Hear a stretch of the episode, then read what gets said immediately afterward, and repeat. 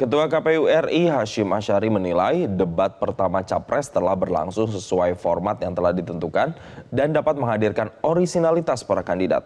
Format debat yang sama pun akan dipakai untuk empat debat pilpres berikutnya. Tiga calon presiden Pemirsa beradu usai debat Capres pertama resmi ditutup, Hashim Asyari menyampaikan bahwa debat berjalan sesuai yang telah disepakati, yakni debat diperuntukkan bagi calon presiden selama enam segmen, dengan empat segmen di antaranya yang berisi tanya jawab. Menurut Hashim, saling bertanya antara kandidat dalam debat telah memunculkan orisinalitas para calon presiden. Dirinya pun menilai pertanyaan serta jawaban para kandidat sudah disampaikan secara lugas.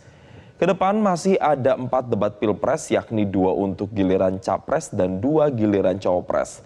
Hashim Asyari mengatakan format debat perdana ini akan terus diterapkan di empat debat berikutnya.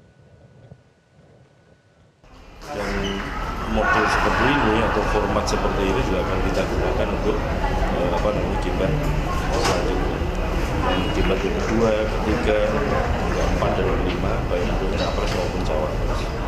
Jelajahi cara baru mendapatkan informasi. Download Metro TV Extend sekarang.